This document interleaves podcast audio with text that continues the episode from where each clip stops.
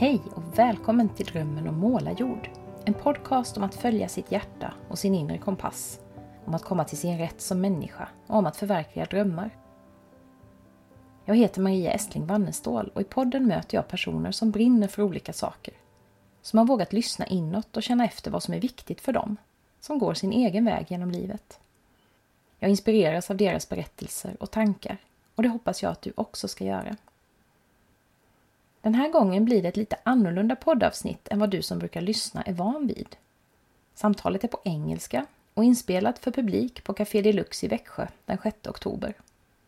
Jag har mött hållbarhetsinspiratören Rob Hopkins som kom till Sverige och Växjö för att invigningstala under en nationell konferens med det svenska omställningsnätverket. Jag har pratat om omställningsrörelsen tidigare i podden, bland annat i avsnitt 40 med Amanda Martling. Det handlar om att ställa om till ett mer hållbart samhälle för både jorden och människorna som bor där. Om man jobbar lite annorlunda än i många andra miljöorganisationer. På vilka sätt får du höra mer om senare. Själv har jag hittat till omställningsrörelsen i två omgångar. Första gången var under ett av de Circle Way-läger på Mundekulla Retreatcentrum som jag har berättat om i tidigare poddavsnitt. Där träffade jag två av centralfigurerna inom det svenska omställningsnätverket. Pella Thiel och Steven Hinton. Och Steven var med i arrangörsteamet tillsammans med mig, Sara Norby Wallin, Peter Elmberg, Kalle Grill och Camilla Måne. Alla de här personerna har varit gäster i tidigare avsnitt av podden. Sen har ett par av mina närmaste vänner varit med och startat Omställning Växjö. Och via dem kom jag också med för ett drygt år sedan. Men intresset för hållbarhetsfrågor har funnits i mitt liv ända sedan barndomen. Mina föräldrar var engagerade i kärnkraftsfrågan. Min mamma ägnade mycket tid åt det som på den tiden kallades biodynamisk odling. Och tidningen Miljö och framtid låg alltid på köksbänken hemma. Jag skaffade min första kompost i 20-årsåldern. Det var faktiskt tack vare den som jag lärde känna Sara. Och de senaste tio åren har intresset och engagemanget växt sig allt starkare. I omställningsrörelsen har jag hittat just de perspektiv på hållbarhetsarbete som jag tycker är så viktiga gemenskap, glädje, hopp, längtan och drömmar. Det kommer du att få höra mer om senare i det här avsnittet. Rob Hopkins och jag spelade alltså in Drömmen om Målarjords allra första livepodd under förfesten till den här omställningskonferensen på Café Deluxe i Växjö. Om hur Café Deluxe kom till kan du förresten höra i avsnitt 48 där jag har träffat Nils Hector som var med och startade stället och numera är verksamhetsansvarig där. Programmet under förfestkvällen var indelat i halvtimmespass, så poddsamtalet delades på två tillfällen, med musik emellan. Tyvärr blev det ingen inspelning av den andra delen, men jag ska försöka förmedla en del av det Rob berättade om där så gott jag kan. Jag hoppas att du som lyssnar ska få ut någonting av det här avsnittet, även om själva samtalet är ovanligt kort. Så varmt välkommen att inspireras av Rob Hopkins.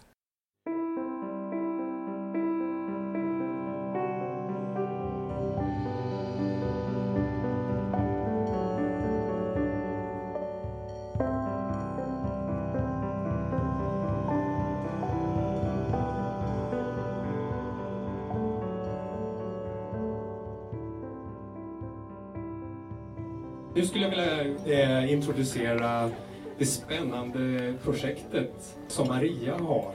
Ska göra sin 55 poddintervju idag, första live. Och vi har en väldigt ärad gäst här, direkt ifrån eh, England, England, Rob Hopkins.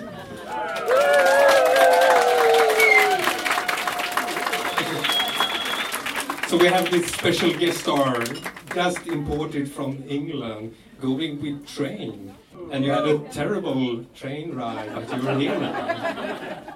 And we're very pleased to have you here, and I give the floor to you too, and do your live pod. Welcome. Thanks a lot. Uh, okay, I would like to say welcome as well, Rob. I'm so happy to have you here in Sweden for the first time. Yeah, hello, Yes. thank you very much. I've never been to Sweden before, which is a source of immense shame. so I'm really thrilled and thank you for inviting me, so I had a reason to come. And we're particularly happy that you came to Växjö for your first stop in Sweden. That's, Yeah, an I, honor. Yeah. I planned it like that. that Yeah, was- all right. I, I said I will only come to Sweden if that's the first place I can go. okay. I thought, first of all, uh, for those of the people in the audience who don't know very much about the transition network, Omställningsrörelsen, as it's called, can you pronounce it in Swedish? No. Omställningsrörelsen. No. uh, for those people who don't know very much about this, could you explain what the transition network is in a few sentences? That's always the question when you get asked that at parties. That's always a really so. What's transition? So, so for me, it is a movement of people who uh, are in 50 countries now around the world who are reimagining and rebuilding the world. So it's uh, it's a movement which is about solutions. It's about not waiting and not waiting for anyone's permission. It's based on that idea that if I try to do things on my own, it's not enough.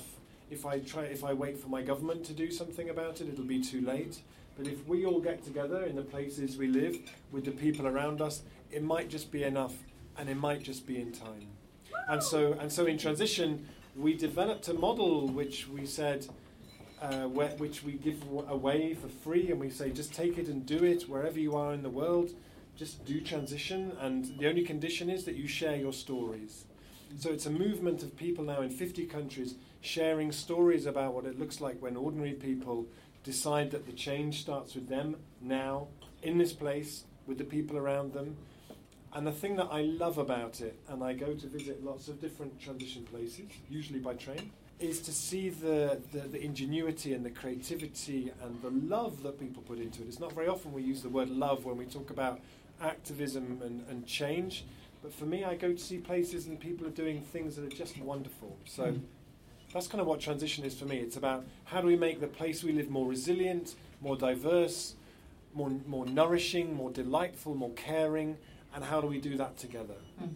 So it's really about empowering people to do things themselves, not just waiting for somebody else. Yeah, yeah. because there's not time to wait for the people who should be doing it aren't doing it. So, and actually, the people who, like all great change, starts with people where they are.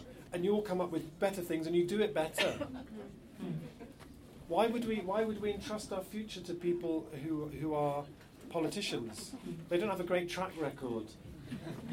But actually you you know people in the communities getting together with the people around them do such amazing things.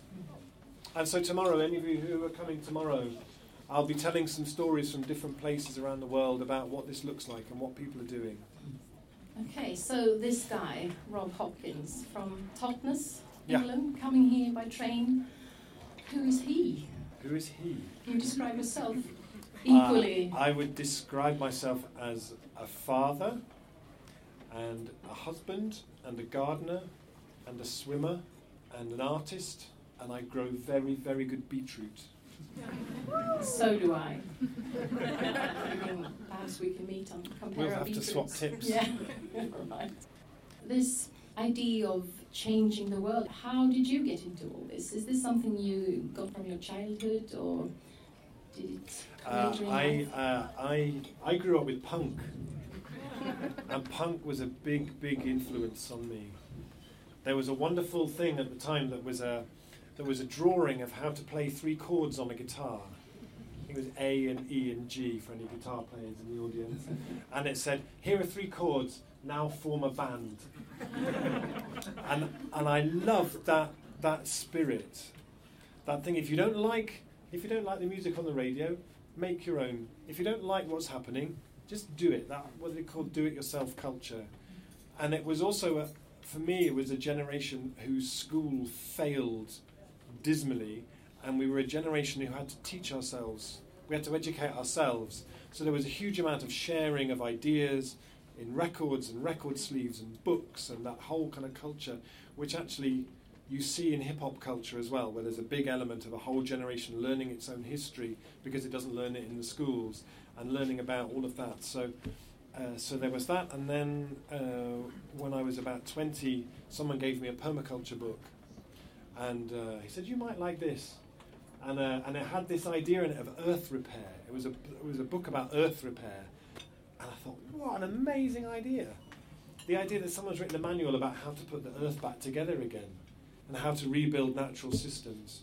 So I did a permaculture training, and then that kind of set me running. So it was a combination of that permaculture sense of. There's a guy, any of, I don't know if any of you are into sort of natural building and cob building and things. There's a guy called Ianto Evans in Oregon who kind of rediscovered cob building and, and how to teach people to build with earth and stuff.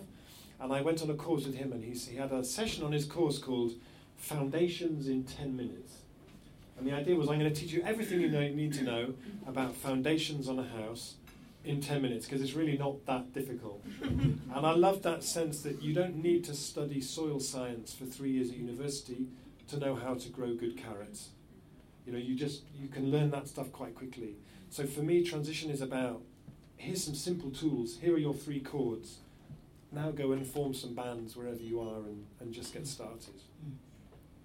You started uh, the Transition Network in 2005, am I right? Yeah, kind of. Well, we started doing transition in 2005, and we had no idea what we were doing.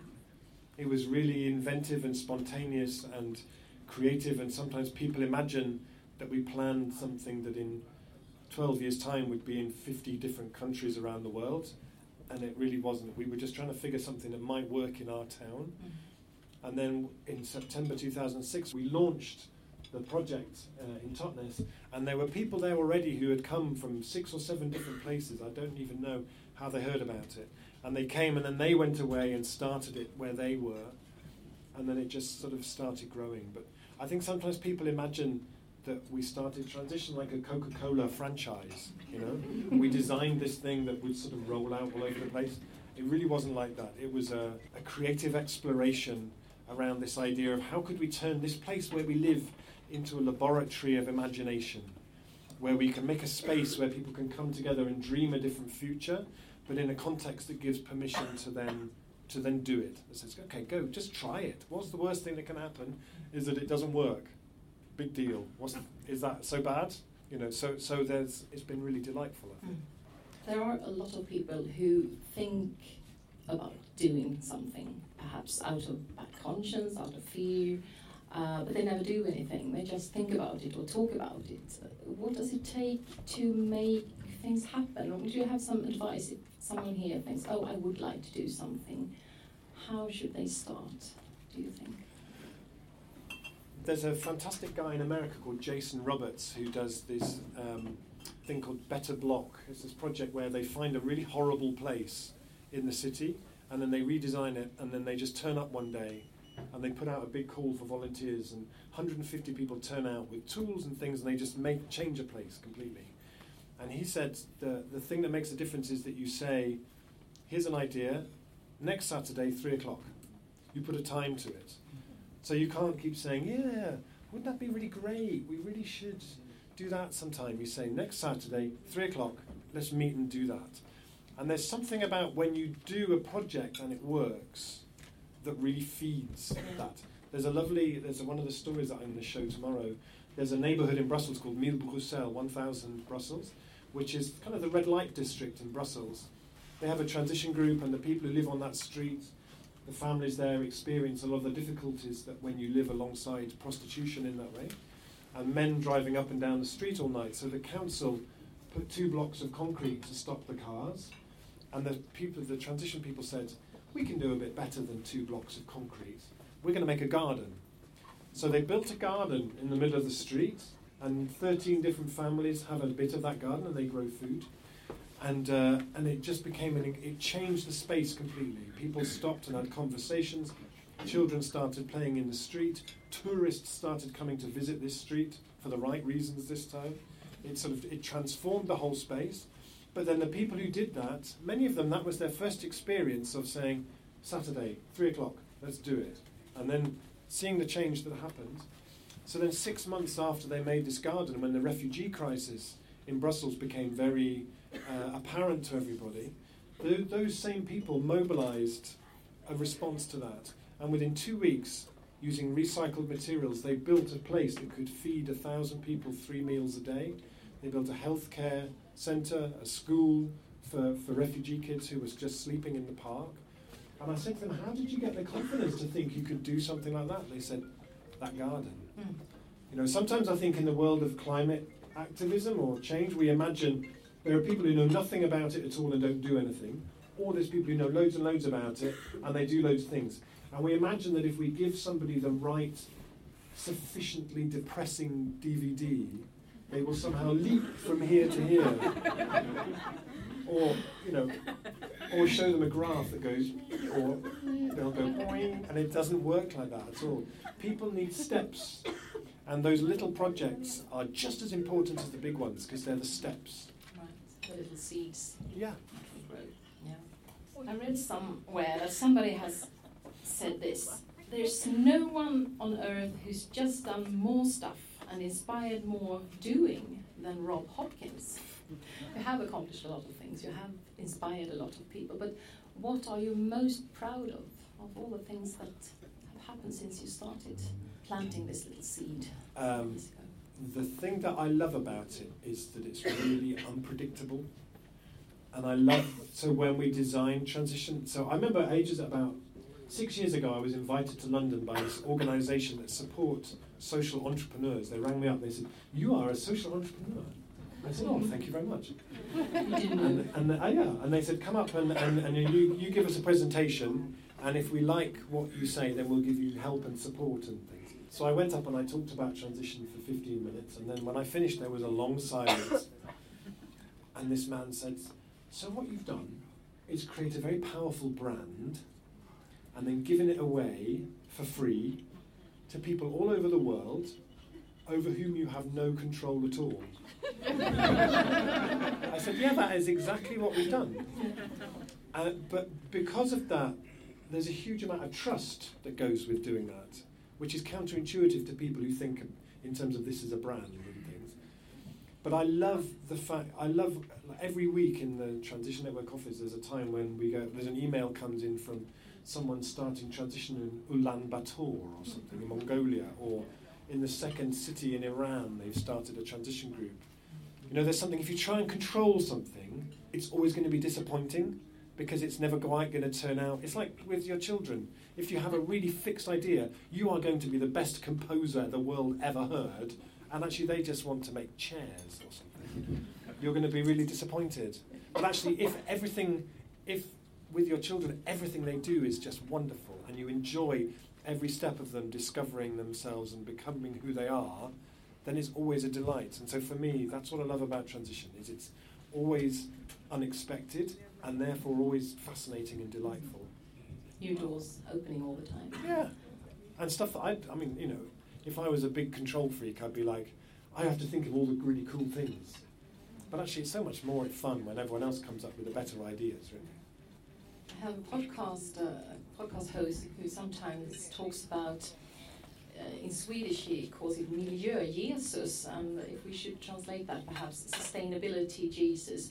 Uh, do you ever, uh, what, what do you think about being a role model? Do you understand what I'm talking about? Uh, if you're doing things like this, people will also look up to you and you will, they will watch you, what, what you're doing. Will he be taking the train or the uh, plane? Uh, what do you think about this, being a role model for so many people? Ever think about it? I don't know. For me, it's really important that, that people who are who work around things like around climate change actually model what they're talking about. You know, I know lots of people who are who who are activists around climate change and spend all their life on aeroplanes, and it felt really important to me that we showed that it's possible to create an international movement like that without always being on aeroplanes. And I think it's important that we try and model the kind of change that we want to be, but it's also important that we don't that we're not like a martyr or that Um, do you know? You can have a coat sometimes. No, I don't know. but you know, I don't know. I'm not a saint, No. but I don't fly. But and, and that because that feels really important. I went to Mm. see an inconvenient truth in the cinema, and when I left and when it finished, I thought I need to do something that is a that is a change. But this tour to Sweden, actually, this is all your fault, you see. So I, I flew one time since 2006. I went to America. We worked out it took five tons of carbon to go to America, and it saved 20,000 tons of carbon because it unlocked funding for a big project there. But in order to be here to do all the talks here, I have to get to Mallorca, and I, it would take me five days on the train. So I have to fly to Mallorca. So hopefully, you might all do something after this weekend that might help to save some of the carbon that it takes for me to do that. So can we all promise to do that? Do something. Do something. Do something. But we're going to be burying some carbon in the ground or something, which is quite fun over the next few days. Okay, so let's end the first part of this uh, little talk and, and we'll come back. We'll have some music now and uh, then we'll talk some more in half an hour. I thought you were going to say, let's finish this last bit with a song. Yes, No one mentioned that. No one said anything about singing. I'm English, we don't sing. We'll have to sing soon when the band starts. Okay, Cool. thank you very much, Thank you. Rob, and welcome back. And welcome back, uh, we can say to the audience as well. And now it's time for music. Thank you.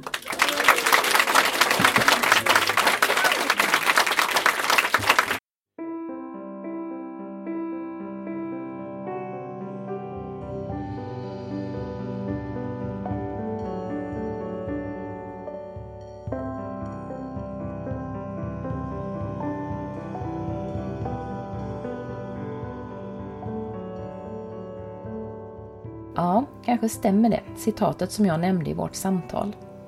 Att Rob Hopkins är en av de personer som gjort mest och inspirerat till mest aktivitet för en mer hållbar planet.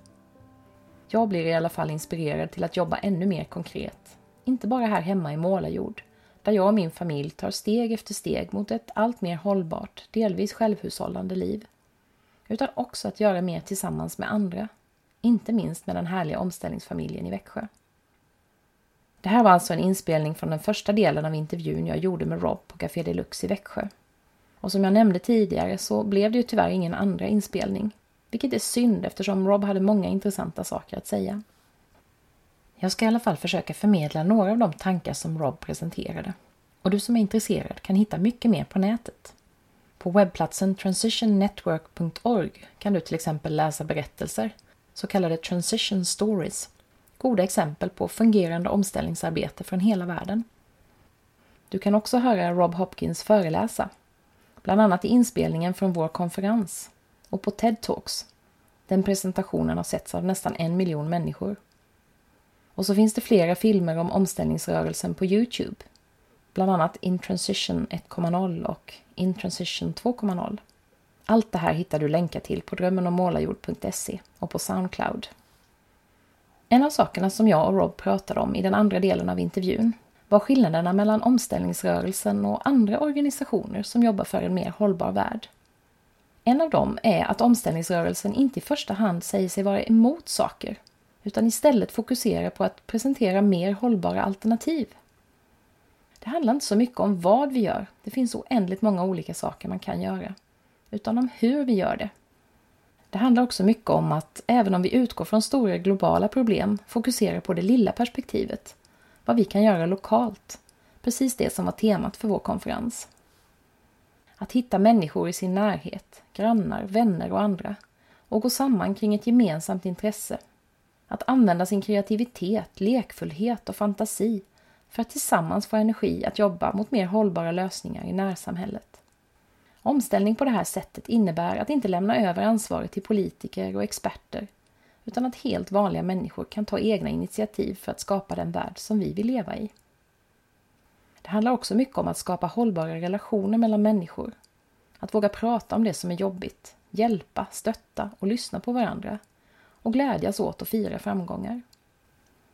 Det senare uttrycks inte minst i slagordet mer fest än protest. Annat som är typiskt för omställningsrörelsen är att man jobbar med hållbarhet utifrån flera olika perspektiv. Exempelvis inte bara ekologiskt utan också ekonomiskt. Ett intressant område är arbetet med att skapa lokala valutor. Där det kanske mest kända exemplet är Bristol i England, där butiker och restauranger och liknande har gått med i satsningen på The Bristol Pound, som också stöttas av kommunen. I Sverige har man också satsat på lokalvaluta i Stjärnsund i Dalarna. Du som är intresserad kan läsa mer på deras hemsida. Bristolpundet har som jag nämnde stöd från myndigheterna. Och i anslutning till det kan vi komma in på en annan intressant fråga, nämligen om omställningsrörelsen och andra gräsrotsinitiativ kan samarbeta med nationella organisationer, kommuner, regioner, statliga myndigheter och liknande. Eller om man ska hålla sig lite utanför samhällets institutioner. Här går meningarna isär, det märktes tydligt under konferensen. Men Rob pratade i vårt samtal om att han tycker det är viktigt att kunna samarbeta med exempelvis kommuner och att man på nationell nivå borde gå in och stötta kommunerna i hur de kan bidra till lokala organisationers initiativ. Båda sidorna kan ha nytta av och stärka varandra så länge myndigheter inte går in och försöker styra gräsrötterna. Vilket förstås kan vara svårt, inte minst för politiker som är vana vid makt och kontroll.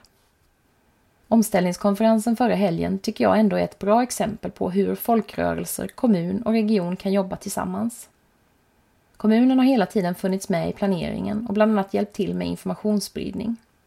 Det fanns representanter från kommunen som höll en workshop om samarbete och vi fick också bidrag till den fantastiska konferensmiddagen av Växjö kommun och Region Kronoberg. Rob och jag pratade också lite om inre och yttre omställning. Omställningsrörelsen fokuserar inte bara på yttre förändringar, som frågor om energi, transporter, mat och konsumtion, utan också på det som finns på insidan i oss människor. Det som händer inom oss, vad vi tänker och känner, påverkar ju hur vi agerar i det yttre. Här kommer de viktiga samtalen om våra känslor som jag var inne på tidigare in i bilden. Vi måste våga prata om hur vi känner, våra rädslor och våra tillkortakommanden, men också om vår glädje, våra drömmar och visioner. Jag tänker ofta att mitt arbete i kurser, samtalscirklar och den här podden handlar mycket om inre omställning. Att hitta sin inre kompass och följa sitt hjärta. Känna efter vad som är meningsfullt och viktigt istället för att bara leva efter andras förväntningar och samhällets normer och fortsätta göra sådär som man alltid har gjort. Ibland kritiseras vi som arbetar med personlig utveckling för att fostra egoister istället för personer med samhällsengagemang. Det hände mig själv nyligen när jag annonserade om min webbkurs Den inre kompassen. Det gör mig så ledsen, för jag tänker att det ofta är precis tvärtom. Visst kan det finnas en egoistisk aspekt i att ta hand om sig själv och lära sig att hitta riktning i livet. Men jag tror också att det är just när vi gör det där som vi blir goda krafter i världen. Så länge vi rusar fram i vår tunnel utan att stanna upp och känna efter vart vi är på väg och vad vi egentligen vill, så är det svårt att hitta energi och ork att engagera oss i någonting annat än oss själva. I alla fall är det så det har varit för mig. Ju mer riktning jag hittar i livet, desto mer kan jag också ge tillbaka till världen omkring mig. Konferensen jag nämnde tidigare är ett bra exempel på det. All den tid och kraft jag har lagt på jobbet med den hade aldrig funnits där om jag inte för några år sedan stannat upp tagit reda på vad som är viktigt för mig och hur jag kan komma till min rätt. Inre omställning handlar också om att medvetet välja aktivt hopp, som jag har pratat om tidigare i den här podden. Detta att fortsätta jobba för någonting vi tycker är viktigt, oavsett hur sannolikt det är att vi kommer att lyckas. Om det här finns en fin bok av Joanna Macy och Chris Johnstone, som jag och min dotter Sanna, som också är en tidigare poddgäst, planerar att försöka få översätta till svenska framöver. Det här är ett av de sätt vi jobbar på för att bidra till en bättre värld. Genom att försöka sprida viktiga tankar genom böcker vi skriver och översätter. Vår nästa barnbok, Lovis ansjovis och jorden, som kommer ut i november, handlar om hållbarhet. Och vi har tidigare översatt boken Lek och lyssna, att möta barn med värme och respekt, av Medicine Story som vi har träffat i Mundekulla ett antal gånger. Som jag har pratat om så mycket tidigare i den här podden tänker jag att var och en kan bidra på sitt sätt genom att hitta det just hen tycker är roligt och är bra på. Alla kan vi vara små bitar i det stora pusslet. Precis så som omställningsrörelsen också jobbar. Den sista viktiga frågan Rob och jag samtalade kring var en av de där sakerna som jag tycker så mycket om med omställningsrörelsen. Nämligen fokus på drömmar och visioner och inte bara på skrämselpropaganda och försakelser. Här pratade Rob varmt om vikten av att hitta tillbaka till vår fantasi att inte fastna i alla rädslor inför framtiden och därmed krampaktigt hålla fast vid gamla nostalgiska bilder av det som har varit tidigare. Ett retrotopia, som exempelvis Donald Trump propagerar för. Utan att våga tänka nytt, spännande och annorlunda framöver. Det är vår förmåga att fantisera och föreställa oss hur vi vill att framtiden kan se ut som skapar förutsättningar för att vi ska kunna komma dit. Rob använder ibland uttrycket att hitta en magnet som drar oss i rätt riktning. Ett begrepp som jag själv också brukar använda, inspirerad av en av mina första poddgäster, Anna Lovind. Ja, det här blev ett riktigt omställningsavsnitt. Och det kommer säkerligen att komma fler på det temat framöver. Det finns ju så många perspektiv att utforska. Jag kan också passa på att tipsa om podcasten Andra sätt, som också handlar mycket om omställning om du har missat den.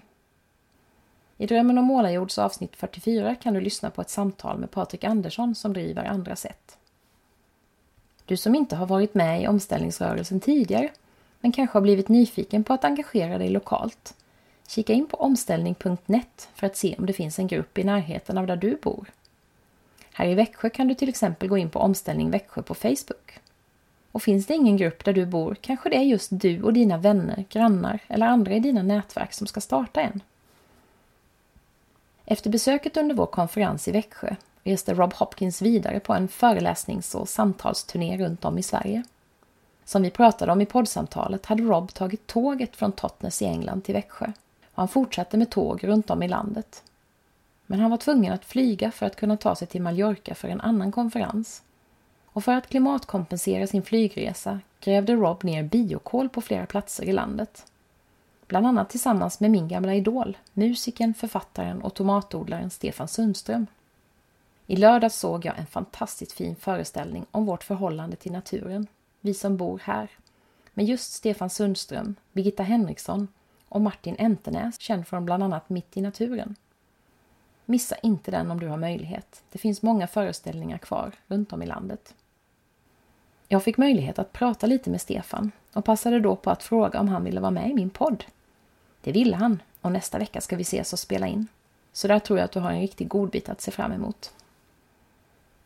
Nu är det dags att runda av det här avsnittet som inte blev så kort även om min inspelning med Rob Hopkins var det. Tack för att du har lyssnat och följ gärna Drömmen om målarjord på Facebook och Instagram. Alla gamla avsnitt hittar du på drömmenomålarjord.se, på Soundcloud, på iTunes och i alla möjliga poddappar. Nästa gång ska du få träffa en annan spännande person. IT-killen Roger Börjesson som utvandrade till Australien för 30 år sedan och byggde upp ett nytt liv på andra sidan jordklotet. Ett liv där bland annat samtal och andliga intressen kommer att ha stor plats. Välkommen att lyssna och hej då!